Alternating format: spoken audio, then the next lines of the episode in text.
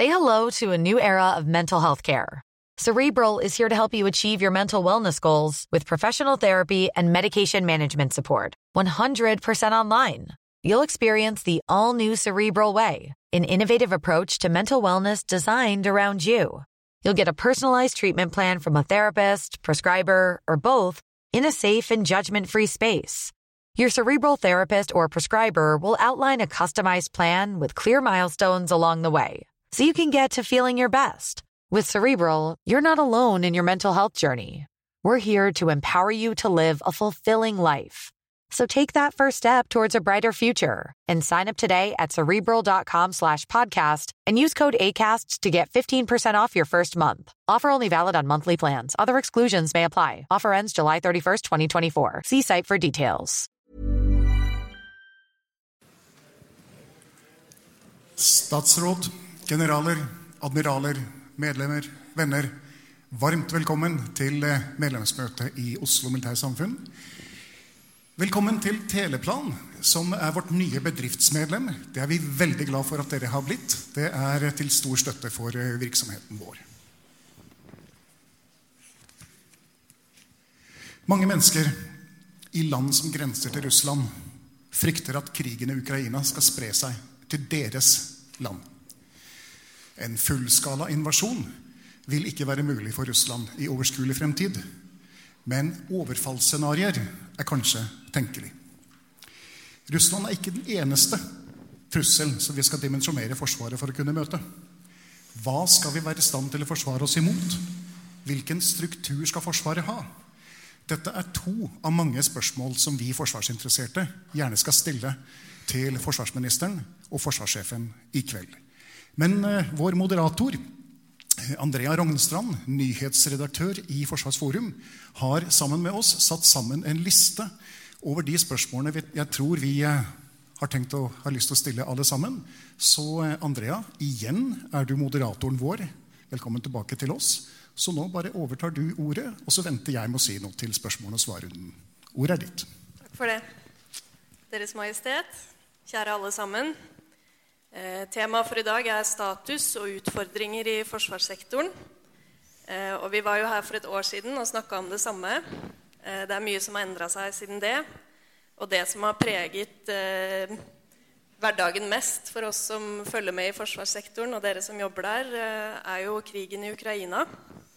Så jeg håper dere kan starte med å fortelle litt om hvordan dere jobber med dette fra dag til dag. Hva er det som skjer på bakrommet, og hva er det dere to eh, snakker om? eh? Ja, nå skal du høre. Um, hvis jeg starter på, da, så Først, For min del har jeg ikke så mye å sammenligne med. Jeg ble forsvarsminister vel en måned etter at uh, krigen starta. Da. Uh, og, men egentlig tror jeg min første dag på jobben satt tonen. Uh, det er jo sånn at når du blir statsråd, så skjer det selvfølgelig i statsråd. Og så kanskje en liten seremoni på Slottsplassen. Og så reiser du og besøker ditt nye kontor for å ta det i bruk. Helse på de folkene du skal jobbe i lag med. Men sånn var det ikke den 12. april i fjor, i påska i fjor, da statsrådsskiftet kom. For eh, etter statsråd så var det rett til statsministerens kontor, og så brukte vi resten av dagen på møter om Ukraina. Og Det er egentlig en illustrasjon på hvordan dette året har vært. For svært mye har handla om Ukraina, direkte og indirekte. Jeg har i hvert fall opplevd det at arbeidsdagen har vært prega av et veldig stort alvor. Det er mange krevende beslutninger som er tatt. Eh, Et endra trusselbilde, endra sikkerhetspolitisk situasjon som har gitt et alvor til det vi har jobba med. Og så har jo vi hatt veldig tett kontakt eh, underveis. Eh, svært mange møter. Eh, mange eh, hyppige situasjonsoppdateringer. Eh, møter i regjeringa og svært mange samtaler med kollegaer i andre land. Koordinering. Eh, Jeg tror jeg hadde kanskje ikke så mye de siste månedene, men i hele fjor så tror jeg hadde hver uke hadde jeg et samtale, møte med en eller alle av mine nordiske kollegaer. For eksempel. så det har prega hele hverdagen vår på ulikt vis, og veldig mye kontakt mellom beslutningstakere og koordinere mellom land? Ja, det, det, det, er jo en situasjon som, eh, som forsvarsministeren beskriver, som, som, er sånn. Altså, 8.12. i 2021 så innførte Forsvaret de første beredskapstiltakene for å være forberedt på den invasjonen som vi mente kom til å komme i Ukraina. Og så var det en diskusjon frem mot uh, krigsutbruddet rundt om vi på en måte, om vestlig etterretning egentlig haussa opp situasjonen, eller om, om, det var mulighet for, for forhandlinger. Da. Og Den diskusjonen husker vi jo alle sammen. Uh, og jeg har jo påpekt den risikoen som var i denne delinga av etterretninger mange ganger. Det var en stor risiko. For det første så var jo hensikten å hindre krig. Så hvis uh, etterretningsdelinga hadde oppnådd målsetninga, så kunne man politisk da risikere at, at uh, de som påsto at vi haussa opp situasjonen, eh, fikk rett. Men det var jo også hensikten med det. Så det var jo den politiske risikoen for en etterretningstjeneste som, som kanskje etter uh, altså spesielt amerikanske etter Irak-krigen hadde ry på seg for å kanskje ikke komme med helt rette etterretninger. Den andre risikoen er jo den, den, si, den profesjonelle risikoen som ligger i det å og dele etterretninger som gjør at du da også forteller hva du vet. Og dermed er det ganske lett å finne ut eh, hva du vet. Og så ble det krig, og så, og så eh, kom Bjørn Arild inn som, eh, som forsvarsminister. Og, og, det har vært eh, en, en, kontinuerlig utvikling i det Norge støtter med i forhold til krigen i Ukraina. Eh, og Hvis jeg skal oppsummere, så er det jo langs de linjene som som vi støtter Ukraina med. Eh, så For det første så har det vært entydig da, fra starten at vi skal ikke la Russland vinne frem med militærmakt i Europa. Det har vært veldig entydig fra alle eh, allierte og partnere. Eh, og det er en stor koalisjon som står bak støtten til Ukraina. For det norske forsvaret så har det betydd at vi har gjort det som eh, har blitt forventa av oss. Eh, for det første, som jeg sa, ta vare på sikkerheten hjemme i Norge. Eh, der har det vært mange diskusjoner rundt beredskapstiltak og hva skal vi innføre og, og hva skal vi gjøre for å holde på en måte høyt nok, eh, høyt, høy nok beredskap, spesielt rundt eh, kritisk infrastruktur. Samtidig som vi da opplagt må, må støtte Ukraina, som også er en stor operasjon som, som legger slag, beslag på mye beredskap, ressurser, i Forsvaret. Da. Så Forsvaret står i en stor operasjon som for det første driver med donasjoner det er veldig mange involvert i alt det arbeidet som medfører med å donere materiell. Eh, bare det å donere M109 artilleri, 23 stykk som sto på lager, er en stor operasjon. Ta dem ut, teste dem, se at de virker, prøveskyte dem. Og så går det over i en stor logistikkoperasjon der vi ønsker å holde ting skjult fram til det er fremme i Ukraina av opplagte grunner.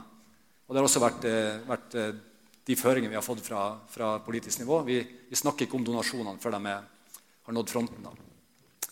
Så donasjon har vært én ting. Andre vært, eh, den andre linja har vært det som går på, på, utdanning og trening.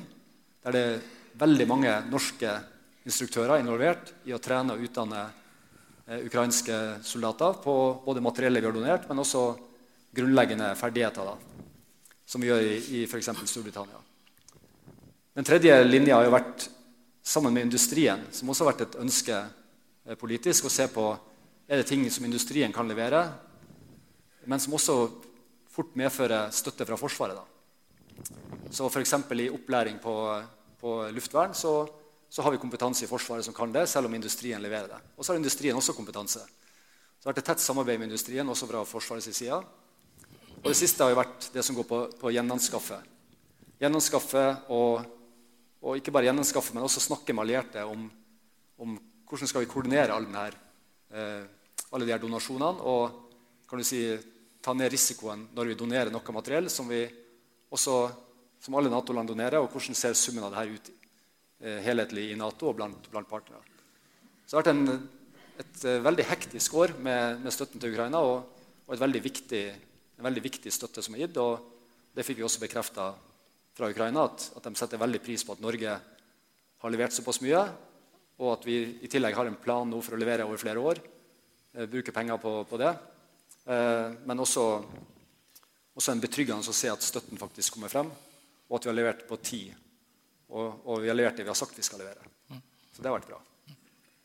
Om det har vært så mye på bakrommet, Andrea det, jeg, jeg, føler at det er veldig lite på bakrommet. Da. Det er veldig, det er veldig åpent føler jeg, alt det vi gjør. Altså, det, er, det er ikke sånn at vi sitter to stykker på et rom og blir enige om de lure tingene. Det er bestandig masse folk rundt oss. Nesten uansett hva vi gjør, så er det, så er det, så er det masse folk enten fra departementet eller Forsvarsstaben eller allierte eller partnere. Det, det, er litt, det, det bakrommet kjenner jeg ikke meg helt igjen i. da. Nei, innenfor rundellen på Myntgata 2, da. Ja, det, ja Hvis det er bakrommet, så er det, ja, det er der vi sitter. Eh, Myntgata 1. da, ja. da Norge begynte med disse donasjonene, så var det jo en del debatt rundt hvorvidt man engasjerte seg som en part i krigen ved å, å donere militært materiell.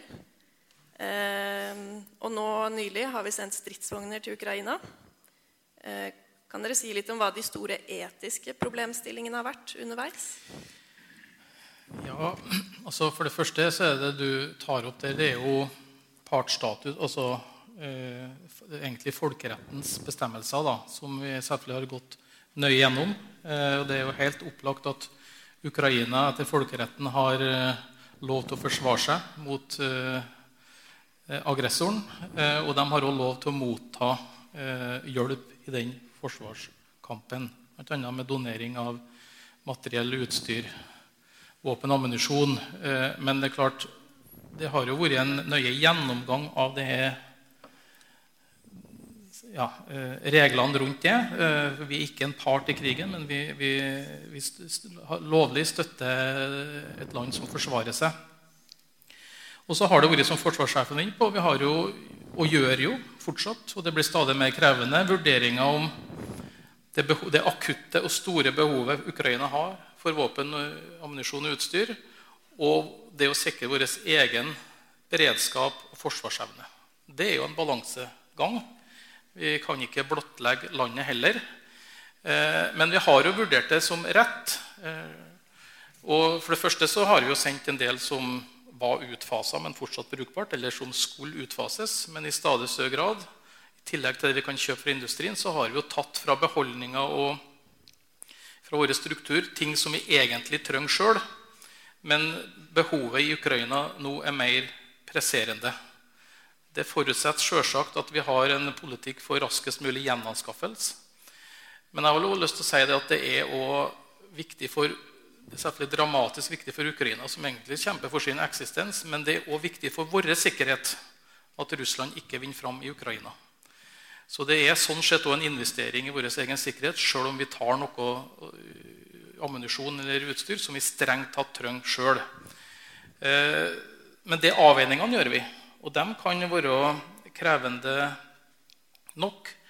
Eh, eller så må jeg jo si det at det ikke var en etisk dilemma, så i hvert fall det som har gjort mest inntrykk på meg Det, det er mye som har gjort inntrykk det her året. Men i hvert fall én ting som virkelig har gjort inntrykk, det var besøkt det er treningsmisjonen vi deltar i i Storbritannia, operasjon Interflex, hvor det nå da trenes så Det er jo store tap her, og på ukrainsk side, og, og man har behov for å tilføre nye soldater inn i striden. Og hvor man da har basistrening for nye ukrainske soldater. Det er klart det Å komme og se det på nært hold, så realistisk lagt opp som det er mulig, uten at det faktisk er i frontlinja, med norske instruktører som gjør en fantastisk jobb, se den, den enorme engasjementet som ukrainerne sjøl har, motivasjon, men samtidig å kjenne på det at du trener jo folk her som etter en kort treningsperiode skal rett inn i striden, og du vet at en del av dem dør i løpet av kort tid når de blir sendt ut.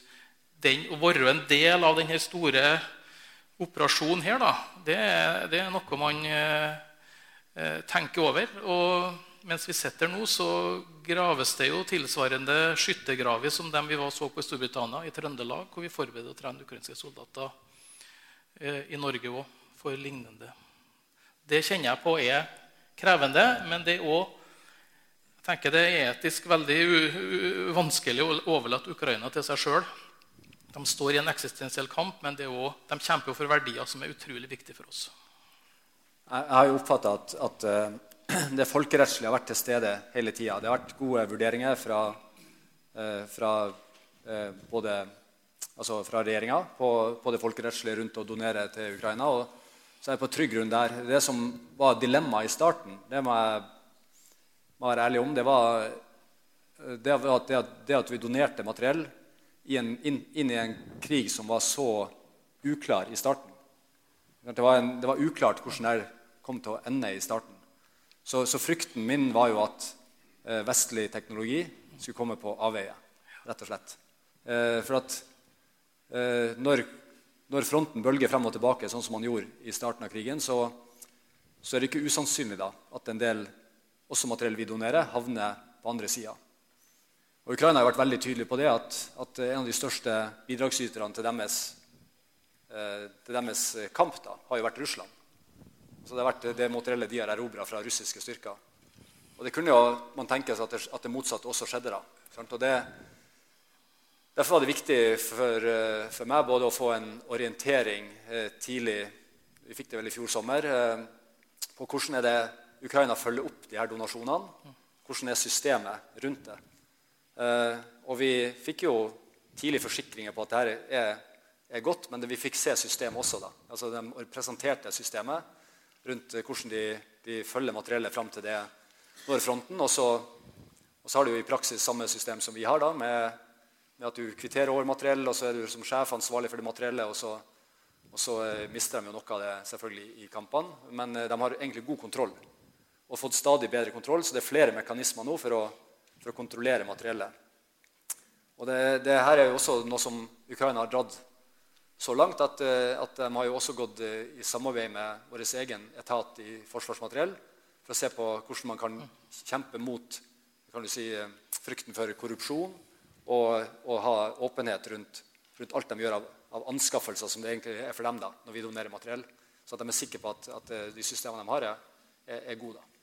Så det, det, var, det var på en måte den den første bekymringa mi. Og så er den blitt, eh, blitt, mindre. Selv om vi fortsatt skjønner at i fronten så kan materiell gå tapt. Det, det, andre er jo akkurat det som forsvarsministeren også sier. Det, det er, det våre, våre, soldater står i hver dag med å trene opp de ukrainske soldatene, eh, er, er for det første noe av det mest meningsfulle de har gjort, er det mange som sier. da.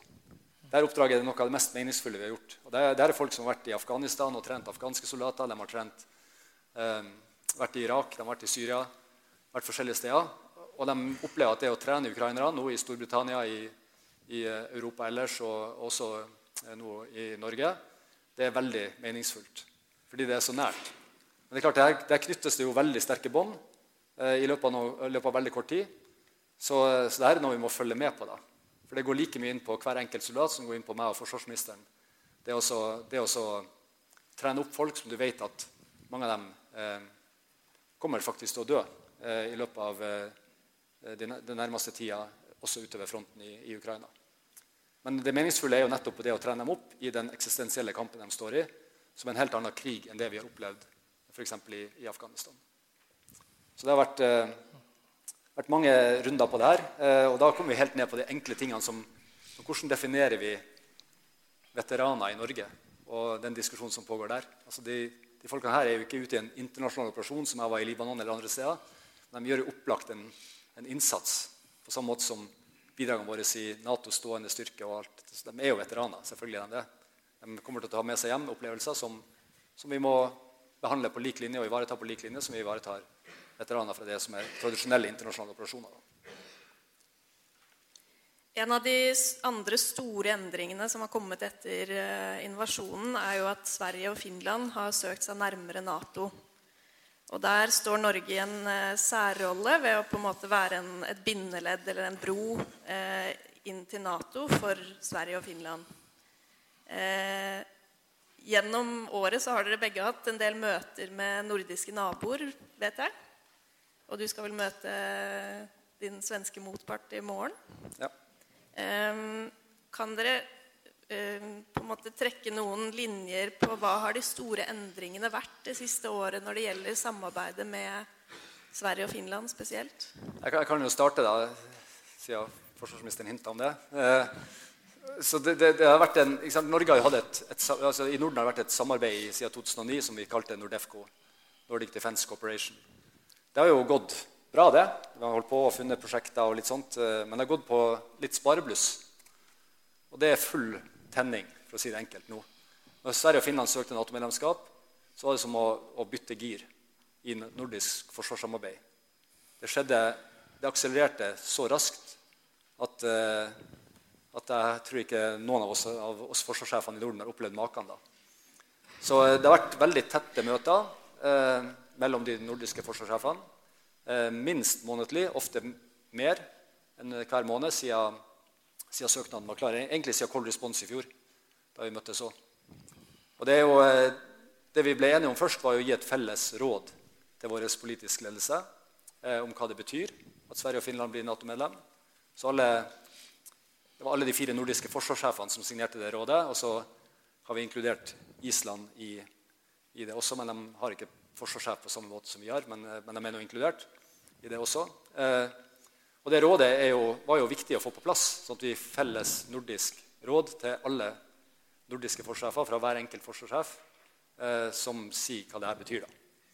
Eh, og så har det vært eh, samarbeid rundt et nordisk eh, forsvarskonsept i overgangen til, til at de blir medlem fullt ut. det har vært jobba med, med, si, både forsvar i, i nord, forsvaret mot Baltikum, forsvaret i, i stredene over, over til, til, Danmark, eh, totalforsvaret.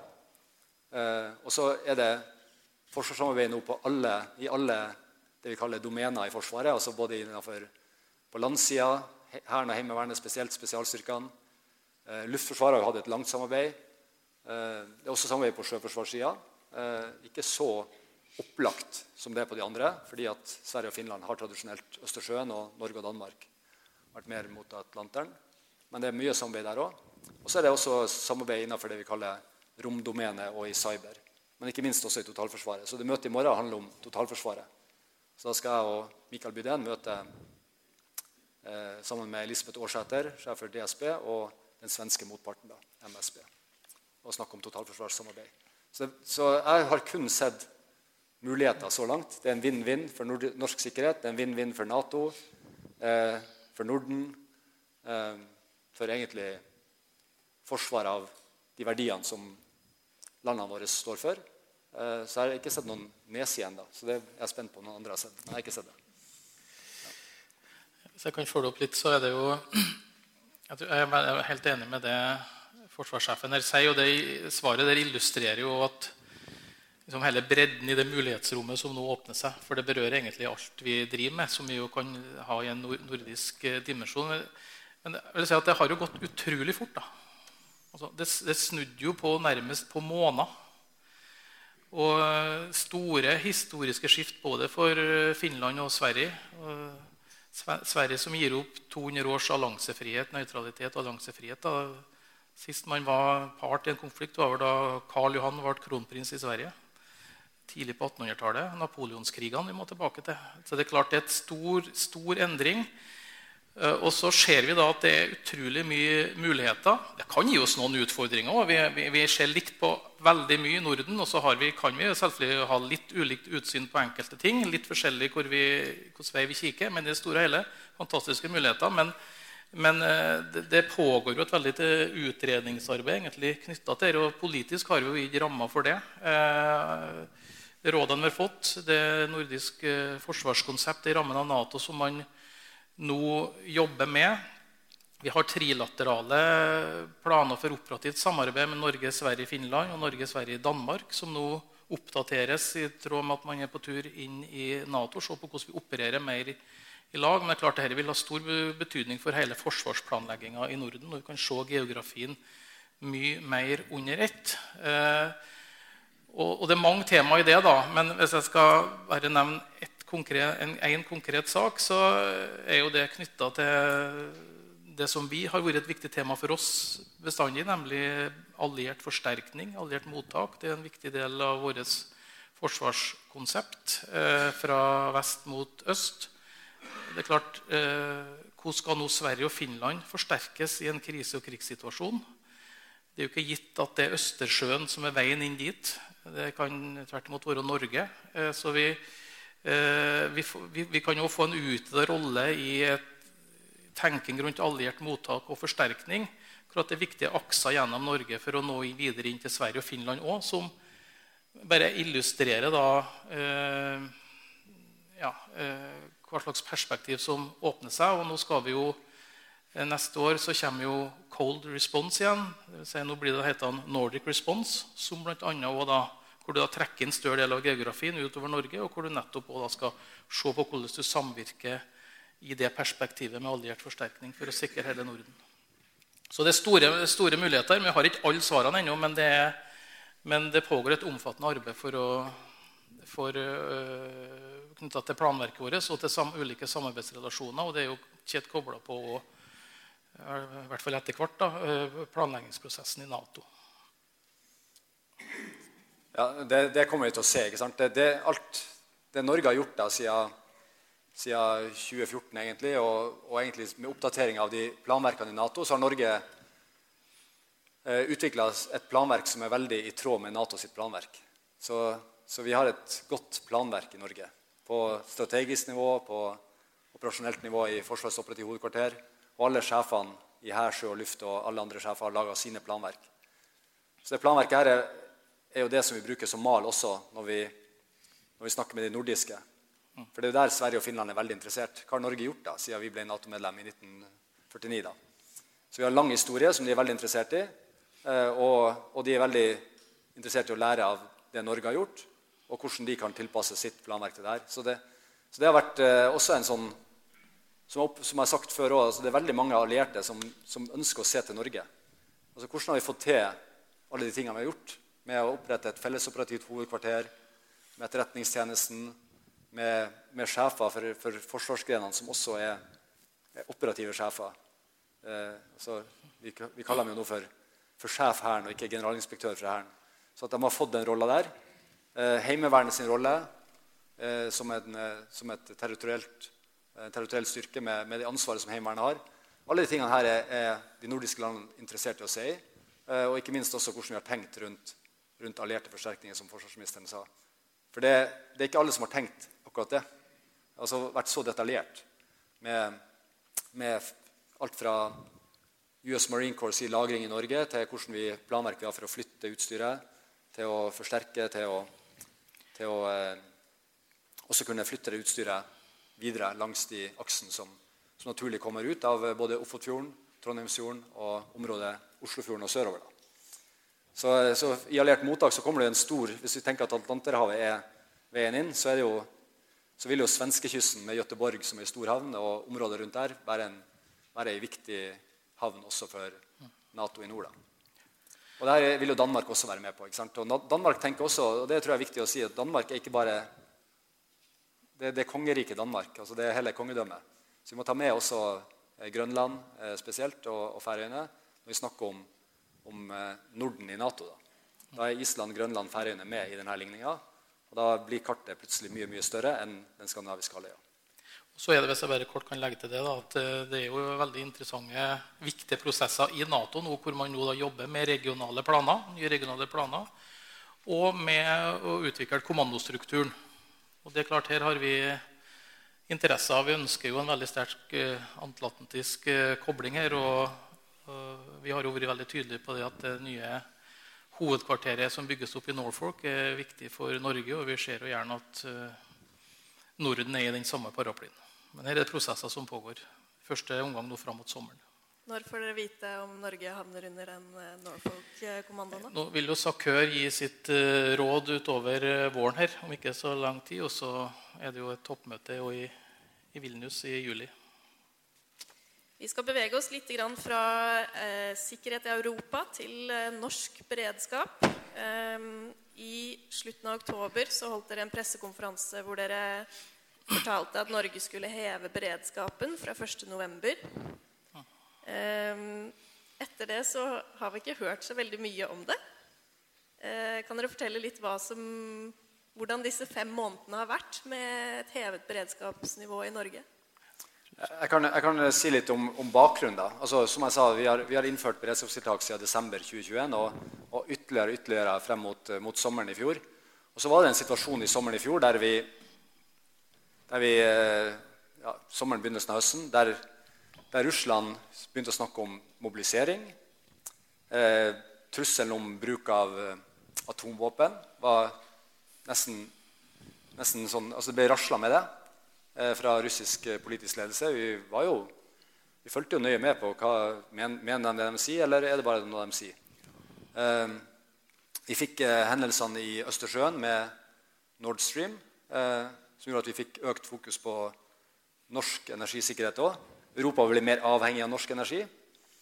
Så, så det, det, vi, det fant, den situasjonen jeg fant meg i da, som forsvarssjef, var jo at, at Forsvaret hadde jo økt overvåkninga i nord spesielt siden, siden krigen starta. Samtidig så måtte vi sikre kritisk infrastruktur, eh, både i, Nordsjøen helt fysisk, men også vår egen eh, kritiske infrastruktur i forhold til cybertrusler. Eh, og så skulle vi samtidig støtte Ukraina med betydelig, altså en operasjon som bare ble større og større.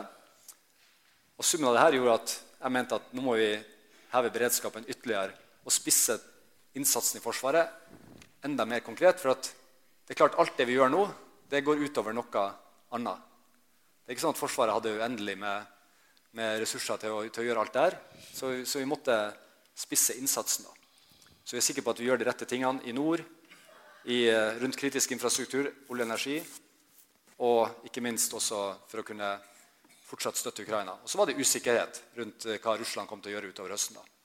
Så, eh, så, så, tida var inne, og vi gikk inn mot en vinter der vi tenkte at nå blir energisikkerheten til Europa enda viktigere. Eh, hvis vinteren blir ordentlig kald. Eh, og da måtte vi være sikre på at vi hadde fått gjort alt det vi skulle rundt, rundt å sikre norsk kritisk infrastruktur. Da. Det var bakgrunnen for at jeg anbefalte å heve beredskapen ytterligere. Ja, og Det ga jo regjeringa si støtte til. og det, det, det som ble gjort nokså med en gang etter angrepet, var jo det at det ble tilført mer ressurser til Forsvaret. For å, vi har jo ikke eh, særlig store lager av det vi burde ha på ammunisjon og drivstoff og utstyr, reservedeler og den type ting. Eh, men det ble tilført mer ressurser til det. Styrka etterretningstjenesten, mer tilrettelegging for alliert forsterkning, men òg da å eh, øke aktivitetsnivået, særlig i nord, knytta til seiling, flyging, situasjonsforståelse, tilstedeværelse. Eh, men som forsvarssjefen inn på det her, Selv om du får tilført økonomi til dette, så, så, trekker det jo likevel på knappe ressurser eh, i den situasjonen vi står i. Så, så, sånn at dette endringer i nivå da, på, i planverket vårt bidrar som forsvarssjefen sier, til å, til å målrette de ressursene vi har, til å prioritere det som er viktigst i, i det som vi har opplevd som en veldig endra sikkerhetspolitisk situasjon. Eh, og forberedt på at vi skal stå i dette over lang tid. Og da er rett å gjøre det her prioriteringene, både tilføre ressurser, men også på hvordan du bruker ressursene du har, sånn at du ja, kan stå i dette over tid. Hva er det du har prioritert eh, bort eller ned da, siden november? Nei, vi, har, vi, har, prioritert eh, bort en del eh, si, tradisjonell trening og øving. Eh, og vi fortsetter å prioritere bort det til fordel for, for det å styrke kompetansen også i Forsvaret. For det, det, det er jo her denne eh, dualiteten i situasjonen kommer inn. Altså den, den direkte militære trusselen mot Norge fra russisk landmilitære styrker er jo, er jo i ja, ganske lang tid borte. Så det, det, er veldig lite russiske styrker igjen på landsida i nord. Så, så det, det, er der vi før snakka om, om eh, Marineinfanteribrigaden, 200 motoriserte infanteribrigader og eh, 80. i utenfor Finland, der det var tre brigader på plass eh, langs den norsk-finske grensa, så er det jo nede på kanskje ned på en femtedel igjen. En fjerdedel, kanskje, hvis vi, hvis, de, hvis vi legger godviljen til fra russisk side. Da. Men det er lite igjen av russiske styrker. De kommer til å bruke tid på å gjenoppbygge det. For de styrkene de hadde, har ikke bare blitt sendt til Ukraina, men de har også gått på store tap i Ukraina. Så det, så det har vært det er avdelinger som er ødelagt. Så vi ser at det er veldig liten aktivitet på landsida på russisk side. Så, og så må vi da øke vi har vært en situasjon der vi har økt den maritime overvåkninga. Både med, med sliten, den gode gamle sliteren, Orion-flyet, men også innfasing av P8 og, og mer tilstedeværelse fra kystvakt og, og marin. Så det har jo gått utover kan du si, noe av den tradisjonelle landmilitære aktiviteten. Eh, som vi har eh, prøvd å, å tone mest mulig ned. Og så, og så bruker vi også anledninga til, i og med at situasjonen er som den er, til kanskje å løfte flere gjennom utdanningssystemet vårt. Så vi har en målsetning nå om å utdanne enda flere eh, offiserer på stabsskolen, og vi ønsker å få flere gjennom eh, de kursene som kreves for å løfte kompetansen i en situasjon der på ene sida det er en tilspissa sikkerhetspolitisk situasjon preget av usikkerhet og uforutsigbarhet. Samtidig så er det også eh, et svekka konvensjonelt Russland. Da, eh, på, spesielt den landmilitære sida. Hva er tidshorisonten på den uh, utdanninga? Nei, det, det, her har jo gått veldig fort. Eh, vi får gjennom 40 ekstra for eksempel, på, på stabsskolen i år. ser det ut som. Eh, så det er noe vi må gjøre både i år og sannsynligvis neste år også. Eh, for Samtidig så skal vi også ha en del avdelinger som skal fortsatt løse oppdraget. Så f.eks. eksempel, på GSV så løser de oppdrag hver dag, og det samme gjør jo kongevakta. Og, og, der kan du ikke bare ta ut folk. Så du må også ha litt mer sikt lang, sikt, lang sikt på det her. Så gjør vi flere andre ting på personellområdet, så jeg kan skyte inn det da, som eh, noe virker raskt, og noe tar lengre tid. Men vi, kursbudsjettet Heimevernet styrka betydelig. Vi forserer oppbemanninga. Planene for opp, for sånn, Forsvaret skal jo vokse framover, men vi forserer oppbemanninga. Vi tar nå inn på krigsskolene eh, maksimalt av det vi kan ta inn med den bygningsmassen vi har. Det er klart Her skal man jo gå i tre år, men, men likevel, vi, vi, gjør en rekke grep rundt personellet da, som får virkning, for at det skal få virkning så fort som mulig. I forrige uke så kom den ugraderte versjonen av Forsvarsanalysen for 2023. Eh, og I eh, konklusjonen så sto det at eh, Forsvaret mangler balanse mellom oppgaver, struktur og økonomi, og er ikke i stand til å gjennomføre viktige deler av langtidsplanen. Det er en åpenbar risiko for at utviklingen av Forsvaret vil havne på etterskudd i forhold til utviklingen rundt oss. Innledningen så sto det at Forsvaret er ikke i stand til å løse sine oppgaver i de mest krevende scenarioklassene. Og så kom jo dere med den stortingsmelding 10 i fjor, hvor ja. dere anerkjenner at eh, det blir vanskelig å nå målene i langtidsplanen sånn som de var satt. Eh, men dere skrev også at eh, Forsvarets operative evne er styrket gjennom en rekke satsinger i forsvarssektoren de siste årene. Så spørsmålet er hvilken vei går det egentlig? Ja, Det vet både plusser og minuser i det meste. Men eh, det er rett, det. Etter regjeringsskiftet så, så gjorde, ble det gjort en, eh, en, gjennomgang av status. Det ble stortingsmelding 10, som ble lagt fram eh, i mars i fjor. Eh, og den sier jo det at det er jo, det er jo Vi innfaser ganske mange nye kapasiteter, nye våpensystem. Eh, det investeres veldig tungt i Forsvaret. Eh, det er bra kvalitet på mye. Men samtidig så viste den statusgjennomgangen at ting er forsinka. Eh, at vi ikke har den gjennomføringskrafta vi burde ha. Vi er jo forsinka med En god del ting blir dyrere. Vi er forsinka med en nødvendig effektivisering og modernisering. Eh, så den rapporten som nå kom fra FFI, eh, vil jeg si bekrefter og forsterker det budskapet som regjeringa la fram for eh, Stortinget i, i fjor vår, da, i, eller i mars i fjor, gjennom stortingsmelding 10. Så her er det en jobb å gjøre. Og så har vi jo begynt å både på kort sikt tilføre mer midler og og eh, planlegge for lengre sikt. Vi har òg gjort omprioriteringer eh, som sånn sett går utover målene i langtidsplanen. Men vi har hatt behov for å, at ting virker her og nå. Vi har, altså, så vi har jo vridd, I tillegg til at budsjettene øker, så har vi jo vridd da, fra investering til drift. For at vi, vi trenger seilingsdøgn og vi trenger operativitet her og nå. Eh, og så forbereder vi du kommer sikkert til det, da, forbereder vi nye, nye, nye planer for eh, hvordan dette skal uh, utvikle seg framover. Men jeg vil si en ting til når vi snakker om ressurser, og det er selvfølgelig behovet for å styrke forsvarsbudsjettene. Nå har vi gått fra fredsgevinst til at forsikringspremien øker. Det er ingen som helst tvil om at det må brukes mer av fellesskapets ressurser på å styrke både forsvarsevne og beredskap. Men jeg er opptatt av at vi får mer ut av de ressursene vi bruker. Eh, og det jeg ikke vi skal, det, det skjer veldig mye bra i forsvarssektoren. Men vi skal ikke være fornøyd med der vi er nå. eh, fordi at, eh, som jeg sa, ting tar litt for lang tid. Ting, en del ting blir dyrere, og vi har ikke den gjennomføringskrafta vi burde ha. Og Derfor så jobber vi med styringsendringer i sektoren. eh, For at Forsvarets ledere skal kunne ta helhetlige grep og få mest mulig ut av ressursene. Og vi må rydde opp i en del ting som bidrar til ansvarspulverisering, f.eks. mellom etatene våre. Det jobber vi med. Eventuelt se mer om dette. på. Ja, nei, det, er jo, det, er jo, det er jo sånn at når, når forsvarssjefen gir et fagmilitært råd, så et helhetlig råd som ble gjort i 2019, så, så går jo det inn i en, en eh, behandling i regjering og storting som ender opp i en langtidsplan.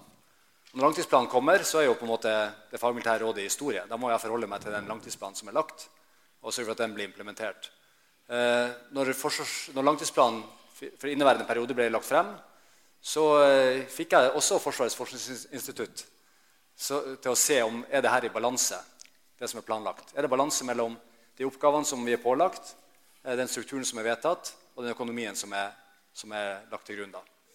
Og, eh, og der har selvfølgelig også da regjering og storting tatt en del risikoer. De har jo det.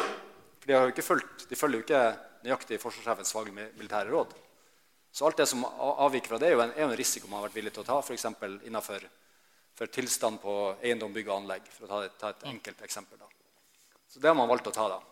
Og så vet vi at eiendom og bygg og anlegg blir ikke noe bedre av å ikke vedlikeholde det, men, men, det er der vi står da. Og så, eh, så Derfor ba jeg også FFI, Forsvarets forskningsinstitutt, om hvert år å gi meg en oppdatert forsvarsanalyse eh, på langtidsplanen. Og Den første analysen kom jo i fjor. Forsvarsanalysen 2022 kalte de den. Eh, og Den påpekte jo at balansen var begynt å bli skjør. Men den var ikke så ille som årets analyse. Eh, den var jo laga selvfølgelig før krigen i Ukraina brøt ut.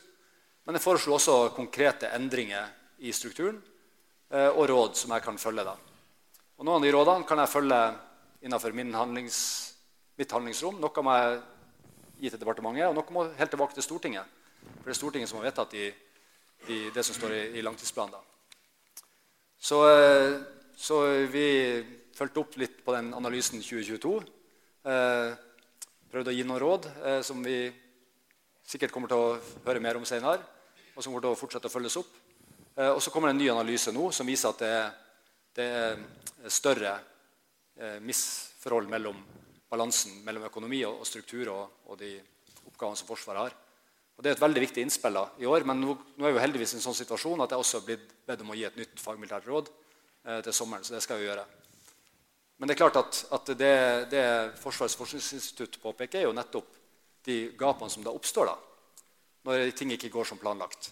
F.eks. at eh, NH90 blir terminert, og vi må anskaffe nye eh, maritime helikopter, som heldigvis er gjort nå. da. Eh, I hvert fall retninga er gitt, så kommer helikoptrene i 2025 etter planen.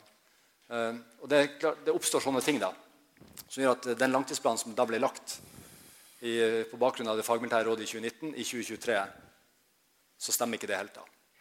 Så det, og det viser jo behovet da, for også en kontinuerlig oppdatering av planforutsetningen i enhver langtidsplan. Da.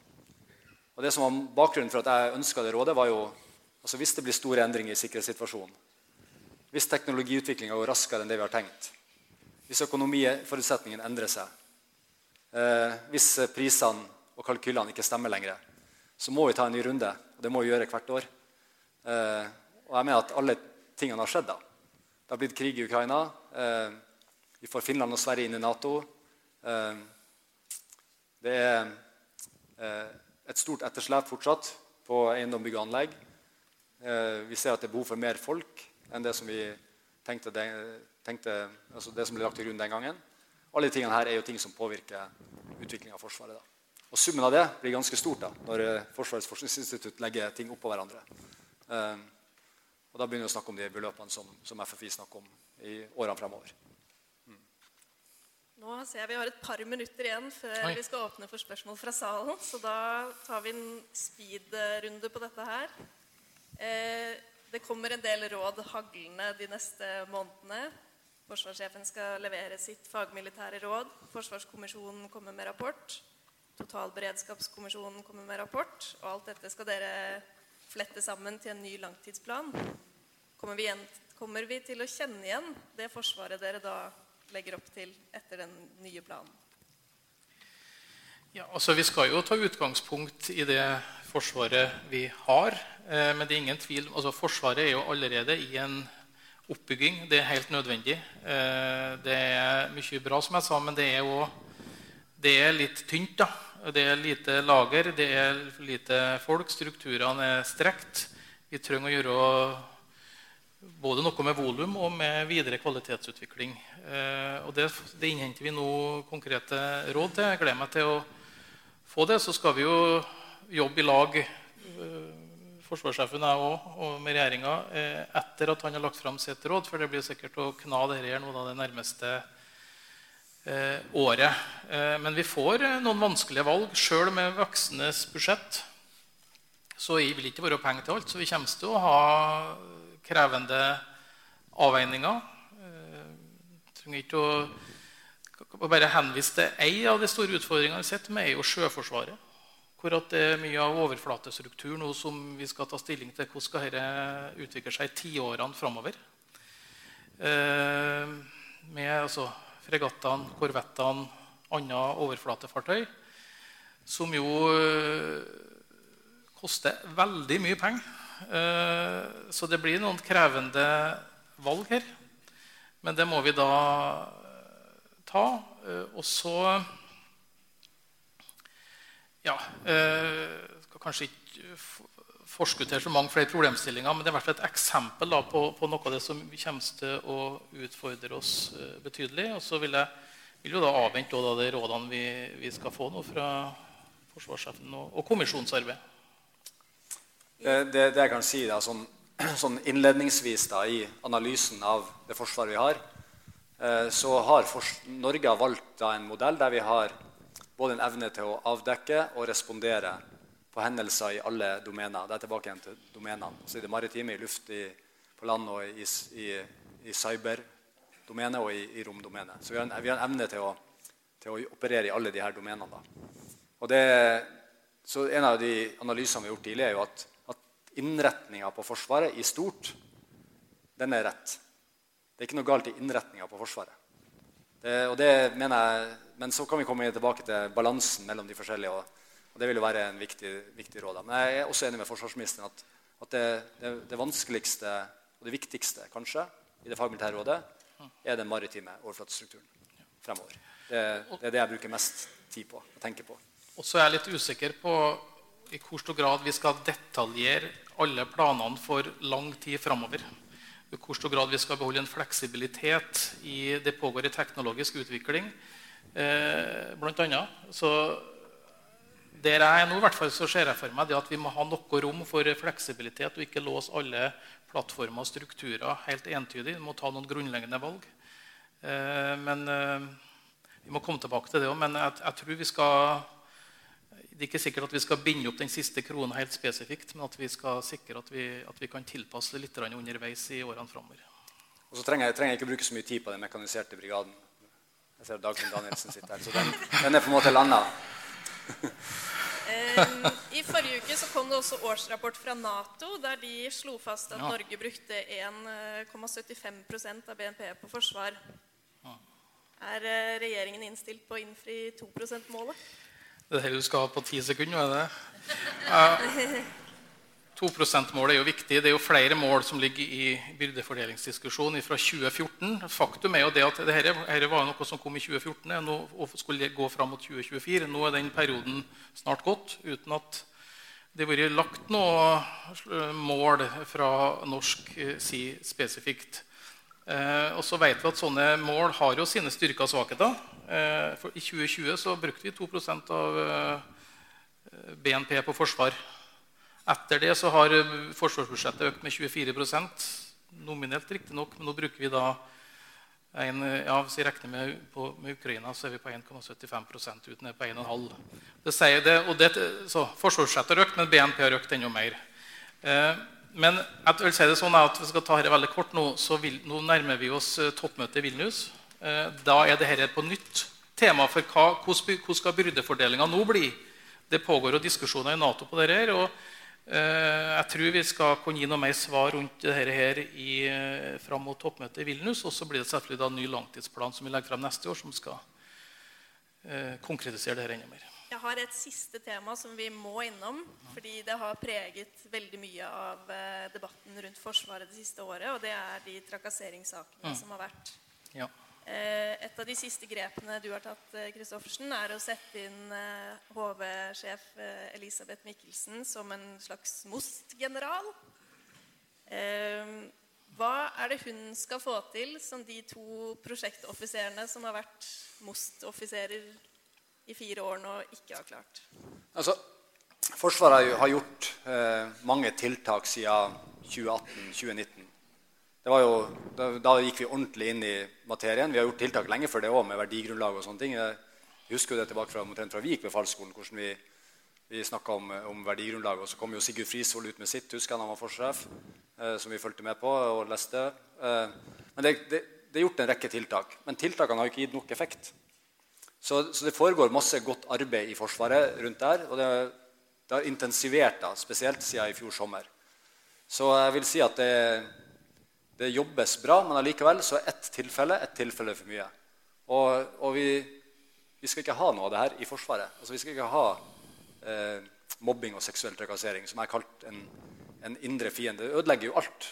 Det ødelegger jo samholdet, det ødelegger tillit, det ødelegger alt det vi står for. da. Så, eh, så det som Elisabeth Mikkelsen skal gjøre, er jo, er jo å samle alle de tiltakene som skjer ute i avdelinger. Jeg, jeg var rundt i brigaden nå på, på vinterøvelsen og på, på GSV og også hos Kystjegerkommandoen. Og alle jobber godt. Men vi må samle det her. Vi må jobbe med kultur, med, med forebygging, med håndtering på en mer kraftfull måte. da. Det er ikke for å ta bort ansvaret som ligger Ansvaret ligger i linja. Det er sjefene som, får, som er ansvarlig for at de har et godt arbeidsmiljø på hver enkelt, hver enkelt avdeling og hver enkelt arbeidsplass i Forsvaret. Men vi må sette på mer kraft eh, og vise at vi og, og faktisk ikke bare vise, men faktisk gjøre noe ordentlig grunnleggende for å få orden på alt det her. Eh, Og det er det Elisabeth skal gjøre. Hun skal jobbe med, med både kan du si, hele verdigrunnlaget til Forsvaret, hun skal jobbe med hele profesjonen.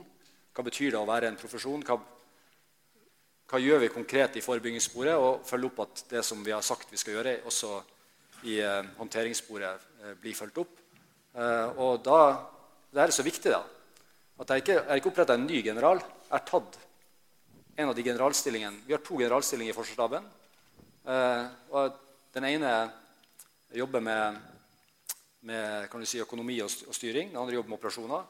Vi tar en av de og gjør om til å jobbe med det her. Så, så det er ikke bare det er ikke oppretta ei stilling, eller noe sånt. Det er, en, det er en tydelig prioritering av arbeidet. Og jeg mener at det må til, for at det her er ikke en det, ikke noe, det finnes ikke ei enkel løsning på problemet. Hvis det var en enkel løsning, så hadde vi gjort det for lenge siden. Det, det, det er summen av tiltak som kommer til å gi effekt. Og Derfor er jeg helt enig med det Elisabeth Mikkelsen sa. Dette er ikke en sprint, det er et mer langløp. da. Det er noe vi må jobbe med over tid. Og vi får 10 000 nye inn og ut av Forsvaret hvert år. Vi må ha et kontinuerlig arbeid rundt det og det er det hun skal følge opp nå. da. Da har eh, Andrea stilt på våre vegne en del av de spørsmålene vi eh, hadde lyst til å stille ministeren og forsvarssjefen, og vi har hørt de svarene de har. Nå har vi noen få minutter før media skal intervjue de på eh, spørsmål og svar. Og hvis jeg ikke introduserer deg, introduserer deg kort. Avtakking av min jobb. Ett spørsmål og gå rett på spørsmålet. Skal vi se, Hvordan var det? Børresen, deretter Solhjem. Takk. Det som har gjort størst inntrykk på meg når det gjelder krigen i Ukraina, det er jo tapsratene. Forsvaret vårt skal jo være forberedt på å kunne føre krig. Og det som da rinner meg i hu, det er at volumet til hæren vår er jo alt, altfor liten. Eh, Jeg vil gjerne ha en kommentar til det. Altså Jeg ser jo som marineoffiser at eh, det er krevende med ny overflatestruktur osv. Jeg er sjokkert over at vi bare kjøper fire ubåter. Vi får lite penger igjen for, eh, for den investeringen. Bare med å øke med én, så hadde det blitt mye bedre. Men altså, Hærens volum må jo være en hovedutfordring for oss. Takk. Ja, det, det, det som er med reservister i Forsvaret trenger vi mer av. Det, det, er sånn vi kan skape utholdenhet i fremtida. Vi, vi, må ha enda flere reservister. For å få på plass reservister så uh, må vi selvfølgelig produsere dem. Det gjør vi egentlig. Men for, å, for, at de skal ha en effekt, så må de ha de enkle tingene må være i orden. Uniforme, våpen, oppmøtested. Det er ikke på plass. Så, så, nå er det på plass nok utstyr og våpen og uniforme til å utruste et forsvar på drøyt eh, ja, rundt 75 000, da, hvis jeg legger litt godviljen til. Men det må betydelige investeringer inn i uniformer og våpen. Og da kan vi bygge en raskt en reservestruktur. Men å, å, kalle inn folk nå Og vi har, vi har masse folk, vi har liste. Men jeg, men jeg, jobber med det her og finner kan si, finansieringa for å ha en troverdig reservestruktur. Og, og, Ukraina har jo vist nettopp det du påpeker. Altså, og de erstatter jo også folk nå med, som vi også trener opp. Eh, ute ved fronten. Da. Men de, de, har, de, får utstyr også til å levere det. Så. Og det vi har gjort, er jo at vi nå, nå har uh, gått gjennom uh, lovgrunnlag, godtgjøringsmodeller osv. for mm. å legge grunnlaget for at vi skal satse mer på en mer aktiv reservistordning uh, i årene framover.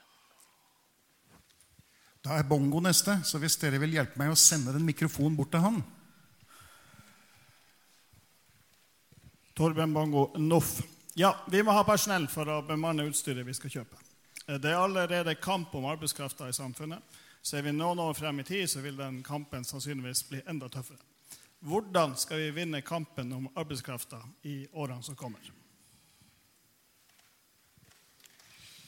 Altså, for det første vil jeg si det at det, som vi, det siste spørsmålet fikk her om uh, vi har i Forsvaret, er jo veldig uheldig og i det perspektivet du tar opp, altså Det er jo først og fremst alvorlig for dem som blir ramma av uønska atferd og holdninger i Forsvaret. Det er klart det gjør jo noe med Forsvarets omdømme òg. Eh, det som du sier, Forsvaret skal vokse framover. Eh, vi trenger de beste folkene. Eh, da må det være attraktivt å være i Forsvaret. Så omdømmet der er faktisk veldig viktig. Og så jobber vi jo, som du vet, Torbjørn, med både med oppbemanning eh, for å sikre robusthet i strukturene, hindre at belastninga blir for stor på den enkelte. Vi jobber mye med personellretta eiendom for å ha god innkvartering på folk. Eh, som faktisk er et tema, for som forsvarssjefen sa, det er jo veldig forsømt i langtidsplanen. Det, det, blir bare dårligere og dårligere. Vi tar ikke vare på investert kapital. Det er jo helt uakseptabelt, egentlig. Og det, og, det, og det, er ikke attraktivt å være befal og offiser en del plasser fordi det er veldig dårlig kvarter og boligtilbud.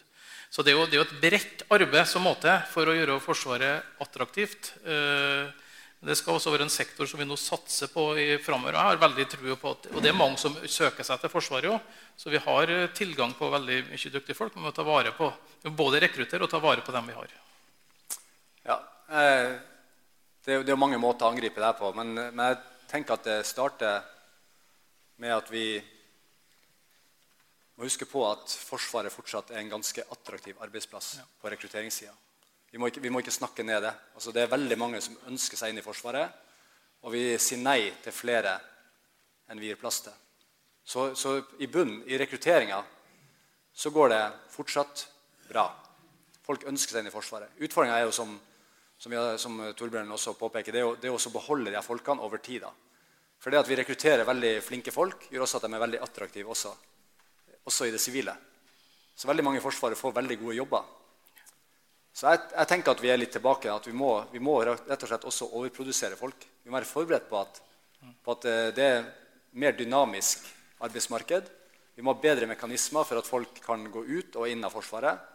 Men så må vi legge til rette på en enda bedre måte, og der er vi helt enige med arbeidstakerorganisasjonene på at de som jobber i Forsvaret, må ha enda bedre eh, si, både forutsigbarhet og, og eh, det må være gode boforhold for å ta de helt enkle tingene da, til, til miljøet. Da. Så det Forsvaret kan rekruttere på, er jo, er oppdraget vårt og miljøet internt i Forsvaret.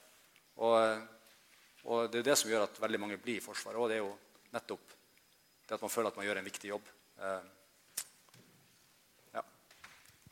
Hvis uh, Tone Rand og Per Solien har ett kort spørsmål hver, så rekker vi det så vidt før jeg må runde av møtet. Tone? Deres Majestet. statsråd, forsvarssjef. Eh, vi har jo de senere år vært vitne til eh, en verden med store konflikter, eh, utfordringer, uforutsigbarhet og usikkerhet. Og også en økende sårbarhet. Vi har jo også sett at sikkerhetsbegrepet er blitt meget utviklet, utviklet, slik at det også omfatter energi. Og da var det jo interessant å se dette toppmøtet, kan man nesten kalle det, mellom Eh, Nato og EU den 17. Eh, mars i år på Troll A-plattformen med Natos generalsekretær, eh, Europakommisjonens president og Norges statsminister. Og Der understreket man nettopp betydningen av samarbeidet, som de skrev nederst på plattformen 'We are strong together'. Vi ser betydningen av Norge på energifeltet, men vi ser også at Norge har en strategisk beliggenhet. Eh, og med Sverige og Finland på vei inn i Nato eh, vil vi også se betydningen av et tettere samarbeid eh, mellom de nordiske land og å se Østersjøområdet og nordområdene i en større grad av sammenheng. Hvordan vurderer dere at Norges posisjon som Natos øyne og ører i nord vil utvikle seg med Sverige og Finland som tette partnere på det militære området. Takk. Altså, sånn rent, rent, militært vurdert sånn, så Norges si, geostrategiske betydning har jo økt etter krigen i Ukraina òg. Så Russland sin avskrekking hviler på russiske atomvåpen. Og de atomvåpnene er plassert i nord primært uh, utenfor Kola. Det er der det andre, andre slagsevnen uh, ligger, både på, på, havet og i, lufta og på landbasert. Så, så, så, så betydninga av nordområdene har, har sånn sett uh, for Russland også økt, og dermed også for Nato. Og så har Norge sin, sin rolle som energileverandør til Europa også økt. Så vår betydning har blitt større der òg, som også gjør at det blir viktigere. Altså Norge har blitt geopolitisk viktigere også som et resultat av, av krigen i Ukraina. Eh, hvis, vi ser, hvis, vi ser, stort på det. Eh, med Finland og Sverige i Nato så blir det jo et styrka Norden. Eh, det er klart, eh, Grensa mot Russland eh, fra finsk side øker jo med altså Med Finland inn så er det jo 1400 km med ekstra grense, da, som betyr noe eh, når Finland blir Nato-medlem. men jeg tenker at, at vi blir sterk, sterkere i nord. da. og, og og den skandinaviske halvøya er på en måte ett sammenhengende militært sett område. Men det har som du sier, to eh, strategiske retninger. Da. Det ene er jo mot nord, og det andre er mot eh, kan du si, Østa eller Kaliningrad og Østersjøen. Da. Men det, og det, det er jo det, det, her vi driver og diskuterer da, når vi ser på det nordiske forsvarskonseptet, og også hvordan det skal inngå i de regionale planene. Men jeg føler at begge deler er ivaretatt, i tillegg til si, den betydninga Norge har da, som som ligger der med ryggen mot Atlanteren, for å si det enkelt, da, som, eh, som med allierte forsterkninger. Så geografien har jo ikke endra seg. Men det er klart, betydninga av geografien har endra seg, eh, også med Sverige og Finland inni, inni Nato. Mm. Det ble et veldig langt spørsmål, Tone, så nå er vi skikkelig på eh, overtid allerede. Så det jeg er nødt til å gjøre nå, det er at jeg takker ministeren og forsvarssjefen og Andrea for eh, å ha gått gjennom det vi rakk av de spørsmålene som vi alle sammen har rundt eh, utviklingen av eh, forsvaret vårt. Noen er så heldige og skal kunne få mulighet til å diskutere med de to herrer fortsatt utover kvelden. Middagen skulle vært servert for noen minutter siden, så da gir vi løs på det.